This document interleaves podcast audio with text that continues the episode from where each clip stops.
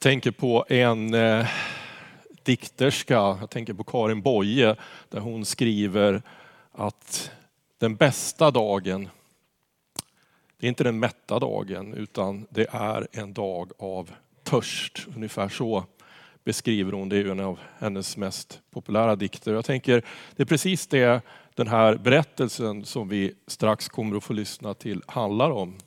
Det finns en eh, fysisk törst och så finns det en andlig törst.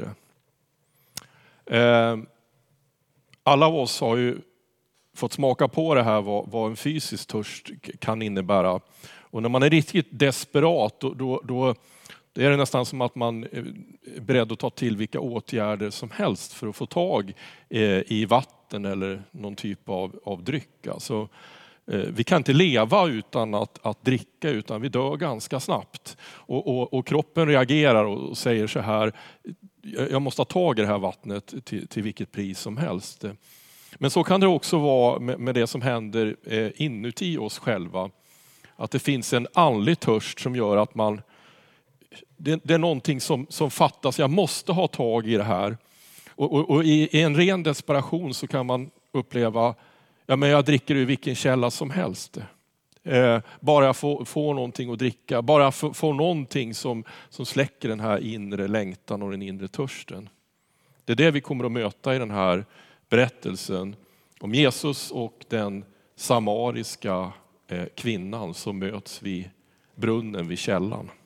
Och vi ska läsa ifrån Johannes evangeliet eh, kapitel 4, verserna 5 till och med 26. Jesus kom till en stad i Samarien som heter Sykar, inte långt från den mark som Jakob gav sin son Josef. Där fanns Jakobs källa. Jesus som var trött efter vandringen satte sig ner vid källan. Det var mitt på dagen. En samarisk kvinna kom för att hämta vatten. Jesus sa till henne, Ge mig något att dricka. Lärjungarna hade nämligen gått bort från staden för att köpa mat. Samariskan sa, hur kan du som är jude be mig om vatten? Jag är ju en samarisk kvinna. Judarna vill inte ha någonting med samarierna att göra. Jesus svarade henne, om du visste vad Gud har att ge och vem det är som säger till dig, ge mig något att dricka. Då skulle du ha bett honom och han skulle ha gett dig levande vatten. Kvinnan sa, Herre, du har inget att hämta upp det med och brunnen är djup. Varifrån tar du då det levande vattnet? Skulle du vara större än vår fader Jakob som gav oss brunnen och själv drack ur den, liksom hans söner och hans boskap? Jesus svarade, den som dricker av det här vattnet blir törstig igen. Men den som dricker av det vatten jag ger honom blir aldrig mer törstig. Det vatten jag ger blir en källa i honom med ett flöde som ger evigt liv. Kvinnan sa till honom, Herre, ge mig det vattnet så att jag aldrig blir törstig och behöver gå hit efter vatten. Jesus sa, gå och hämta din man. Kvinnan svarade, jag har ingen man. Jesus sa, du har rätt när du säger att du inte haft någon man. Fem män har du haft och den du nu har är inte din man. Där talade du sanning. Kvinnan sa, Herre, jag ser att du är en profet. Våra fäder har tillbett Gud på det här berget, men ni säger att platsen där man ska tillbe honom finns i Jerusalem. Och Jesus svarade, tro mig kvinna, den tid kommer då det varken är på det här berget eller i Jerusalem som ni ska tillbe Fadern. Ni tillber det som ni inte känner till. Vi tillber det vi inte känner till eftersom frälsningen kommer från judarna. Men den tid kommer, ja den är redan här, då alla sanna gudstillbedjare ska tillbe Fadern i ande sanning. Ty så vill Fadern att man ska tillbe honom. Gud är ande och de som tillber honom måste tillbe i ande och sanning. Kvinnan sa, jag vet att Messias kommer och när han kommer ska han låta oss veta allt. Jesus sa till henne, det är jag, den som talar till dig. Amen. Herre, öppna ditt levande ord och tala in i vårt hjärta och vår tid Och hjälp mig som ska predika. Ber i Jesu namn. Amen. Det finns ett eh, gammalt uttryck som man använde förr i tiden som man inte använder så Eh, mycket idag. Men du som är lite äldre kanske har hört det här begreppet för, för att gå i förberedda gärningar. Har du hört det begreppet någon gång? Att gå i förberedda gärningar. Det var några som nickade. Vad glad jag blir, då, då talar jag inte helt. Men, men eh, för er som är lite yngre här eh, i församlingen kanske inte känner till det och ska förklara vad det innebar.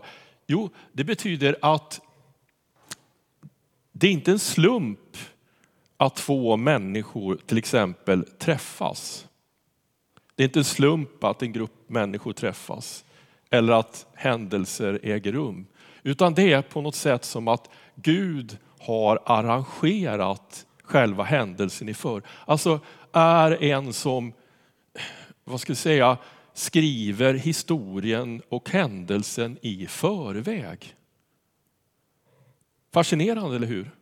Och det är precis det som händer eh, med Jesus och kvinnan vid Sykas brunn. De båda går i förberedda gärningar. Jesus ser inte på den här situationen som att oj, nu var det en slump att jag träffade en kvinna vid brunnen. Utan det här mötet, det är arrangerat. Det är meningen att de här två personerna ska träffas. Kvinnan är inte medveten om det här mötet, men hon är liksom indragen i Guds sätt att beskriva verkligheten och liksom måla upp liksom en historia som kommer att förändra hela hennes liv. Hela hennes sammanhang kommer att förändras. Hela hennes tro kommer att förändras. Och det kommer att välta, liksom, välta ner allting, alla föreställningar om vad hon har haft om Gud och verkligheten. Och så hittar hon ett nytt liv. De går båda i förberedda gärningar. Det här var väldigt vanligt bland våra Kongomissionärer tidigare. De var ständigt tvungna att gå i förberedda gärningar. Det var som att alltså när man kom till en missionsstation eller en plats, då kom man inte till Sverige. Jag lovar, då kom man inte till Sverige. Utan man kom in i en kultur eh, där man inte hade samma syn på punktlighet. Utan ja, Började mötet eh, klockan 11, ja då kunde någon droppa in klockan e-, ett och säga ungefär så här, ja men jag kom ju. Alltså en kultur som inte alls hade liksom den här almanackan inbokat och där möten mellan människor kunde vara väldigt osäkra, det var stora avstånd. Eh, det var inte som Sverige.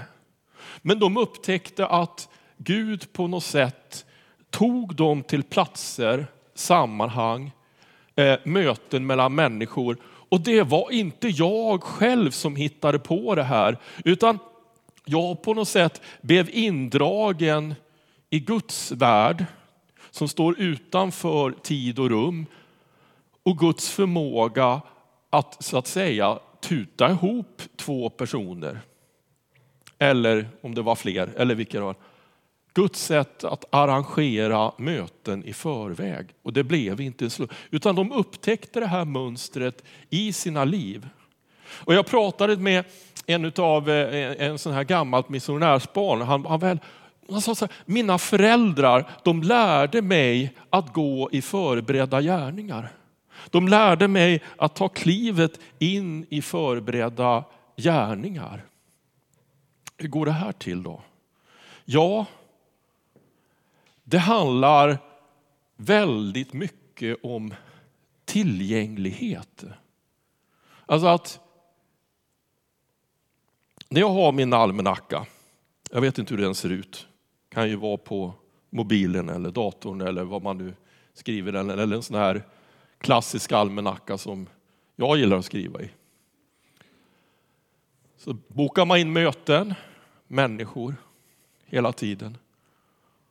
Och så kommer bara det här slumpmässiga mötet. Det här som man inte är beredd på. Det är då man ska lyssna. Det är då man ska ana, är det här mötet som jag eh, befinner mig i, är det, är, är det bara en slump eller är det här arrangerat av Gud? Och när man börjar märka det, därför man kan märka det efter ett tag att någon process sätter igång i mig och den andra personen som blir liksom det här livsförvandlande mötet som, som, som gör att andra möten blir lite mindre viktiga. Att jag vågar liksom säga så här, ja okej, okay, men jag avbokar kanske det här, eller jag skjuter på det jag har bokat in. Alltså jag är beredd att ställa mig till Guds förfogande för att kunna gå i förberedda gärningar.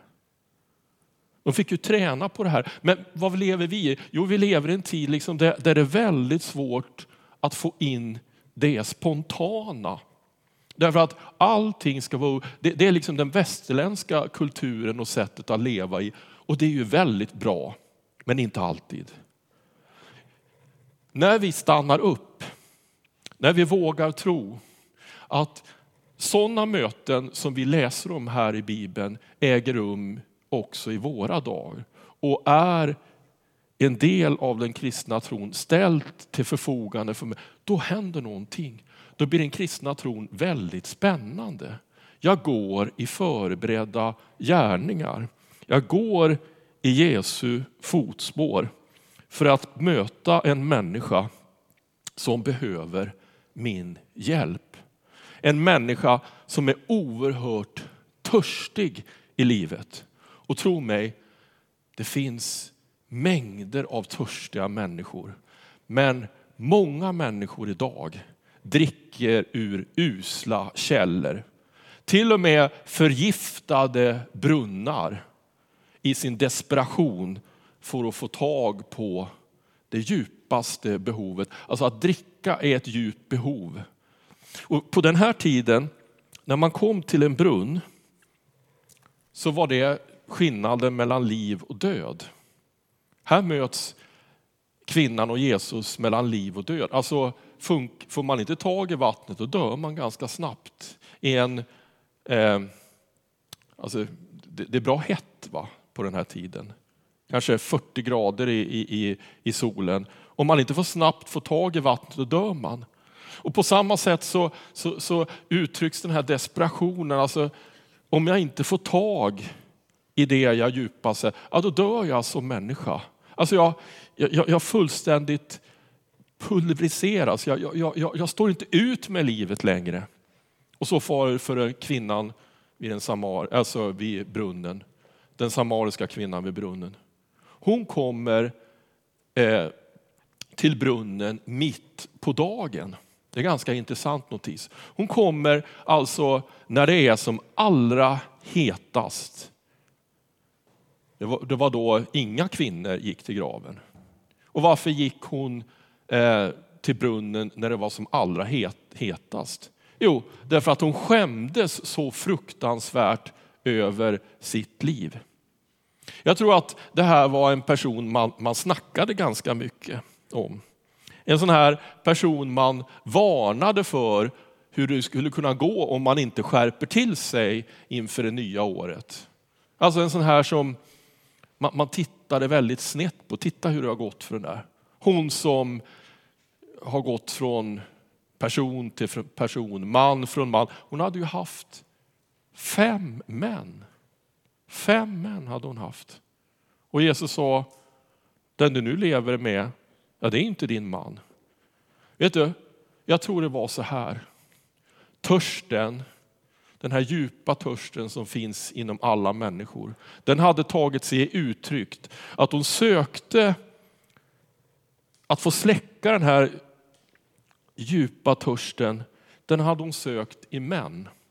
Hon tänkte så här, hittar jag den här fantastiska kärleken i någon man, ja då kanske jag inte är så törstig igen. Det är lätt att döma en annan människa för de saker vi tycker, så där ska man väl inte leva. Det fanns en, en desperation. Hon hade gått från man till man och tänkt så här, i den här perfekta mannen, där kan jag släcka min törst. funkar inte. Nästa man, där kanske jag kan släcka den här törsten. Och så hade hon bara blivit trasigare och trasigare och trasigare. Det är så det går. Druckit ur usla brunnar, kanske blivit utnyttjad, sexuellt utnyttjad, misshandlad, vad vet jag. Och bara sparkad ut tills det överhuvudtaget inte fanns någonting kvar. Och hon skämde så mycket för sitt liv. För hon tänkte så här, går jag till brunnen där ingen annan är, ja men då slipper jag ju möta någon annan person. Då slipper jag bli utsatt för andras blickar. Och det är precis så vi kan känna när skammen tar tag i våra liv och vi känner så här, måtte jag inte möta någon människa för mitt liv är så otroligt pinsamt. Men när Jesus möter kvinnan, då säger han inte så här, hörru du, nu är det dags att skärpa till sig lite. Jag har fem idéer om hur du ska få, få fason på ditt liv. Han säger inte så, utan han går rakt på sak på hennes djupaste behov, nämligen törsten. Om du visste vad Gud har att ge. Om du visste vad Gud har att ge. Det är den första frågan. Eh, alltså det är centrum i vad, vad kristen tro handlar om. Det handlar inte så mycket om vad du ska ge Gud, utan vad han har att ge dig. Någon sa så här, fråga dig inte så mycket vad du kan göra för Gud, utan vad Gud kan göra genom dig. Och Jesus säger så här, om du visste vad Gud har att ge, då skulle du ha bett honom och han skulle ha gett dig levande vatten. Alltså livet så, som vi längtar efter. Men som så lätt går förlorat. Jag har varit där. Jag fascinerades en gång av att läsa en bok som hette Förlorad förundrad. Den handlade om min egen generation, generation X. Vi som föddes på 60-talet. Vi som liksom var andra generationens efterkrigsbarn, du vet. Vi såg samhället flytta på, vi såg rörelser komma och vi hade ideal. Och så blev vi gruvligt besvikna. Och så var det på något sätt att det här livet som, som fanns en, en gång inte alltid finns där. Det är som att källorna blir igenkorkade. Och jag måste gräva upp det här igen. Kan du känna det här idag där du sitter, jag måste gräva upp det igen. Därför att min källa, det jag har fick inmonterat en gång i tiden, det har slammats igen. Det har grumlats. Det är inte livet igen, utan jag måste tag i, i det igen. Det är okej, okay, min vän, att vara törstig igen. Det är okej okay att vara törstig på riktigt.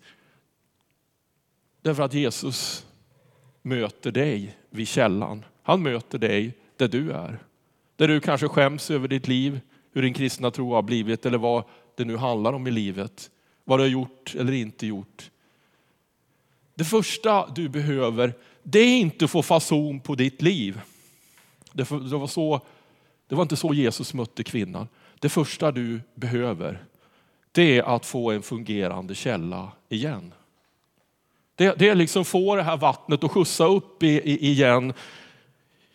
Frank Mangs, den gamle predikanten, sa så här, du och jag vi kan få källan inmonterad. Gud har inga platser som är specifika tempel, utan vår kropp är tempel för den heliga ande. Vi kan liksom få den här källan som skjutsar av liv igen. Om vi ber honom om det. Han ska ge oss levande vatten så att vi kan dricka oss törstiga. Därför att när vi dricker ur andra källor, min vän, och jag har gjort det, jag har druckit ur massa usla brunnar, då blir vi törstiga igen som Jesus sa. Vi kan dricka ur materialism. Det är ett vanligt sätt. Köp en pryl så ska du släcka törsten. Eller något projekt eller, eller kanske den här fantastiska relationen som man tror ska släcka den här törsten som man längtar efter. Alltså, det finns många ersättningar för den här törsten, det här längtan efter att få tag i det här vattnet. Men, det, men sen är vi lika törstiga igen. När vi har köpt den här prylen eller vad vi handlar, ja då är det lika tomt här inne.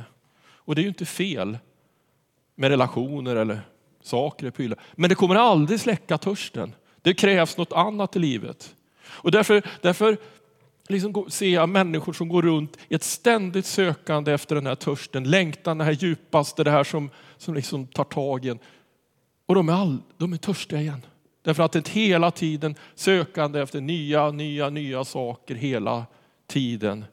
Bättre, större, starkare, rikare. Men jag blir törstig igen. Jag måste ha tag i vattnet igen.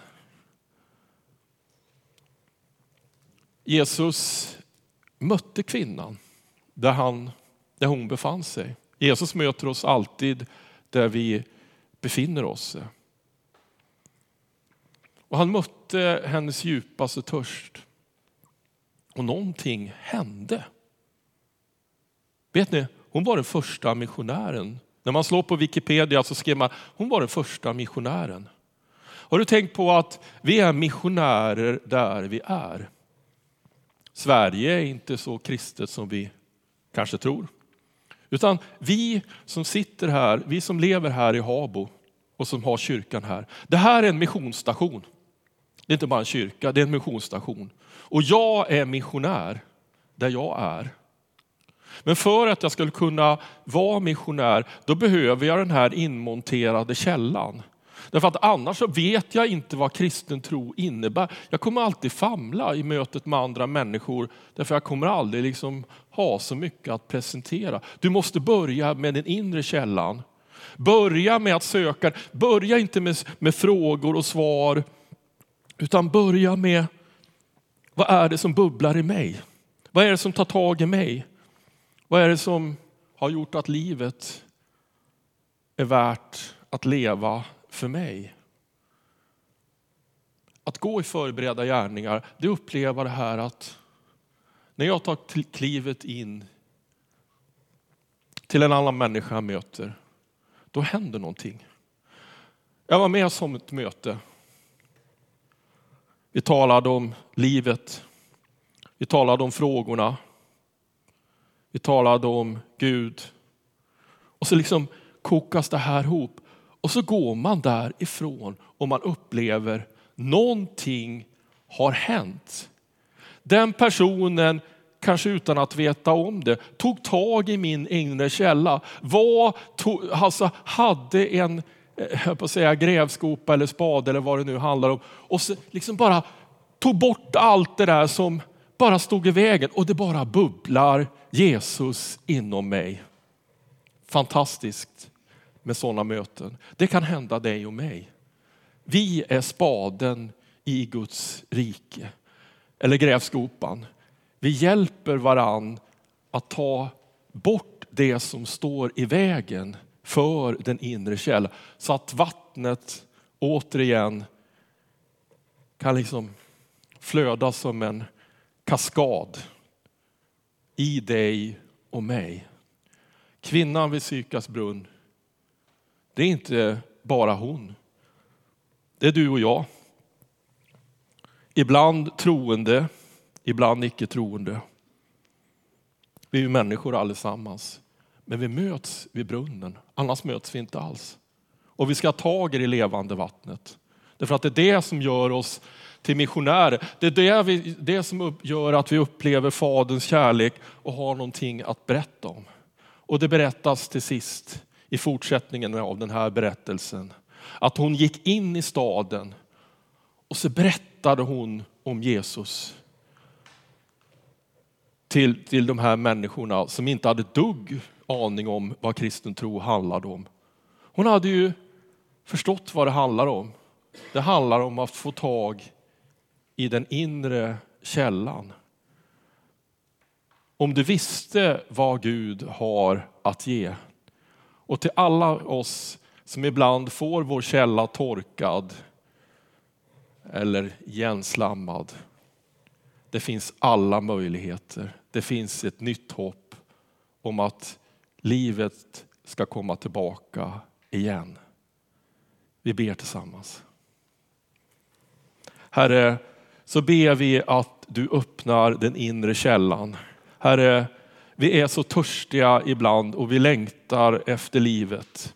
Men ibland söker vi i usla brunnar, Herre, i källor som inte kommer ifrån dig. Ersättningar som gör att vi blir törstiga igen. Men nu Herre ber vi, låt vattnet flöda igen för världens skull. Så att vi ser din kärlek och kan gå ut i den här världen och berätta om dig. Inte ifrån eh, en känsla av att vi vet allt, utan vi berättar om en upplevelse, om ett möte med dig som gjorde att livet kom tillbaks. Om sårbarhet, om längtan. Herre, kom med ditt levande vatten och möt oss på nytt i din källa. Amen.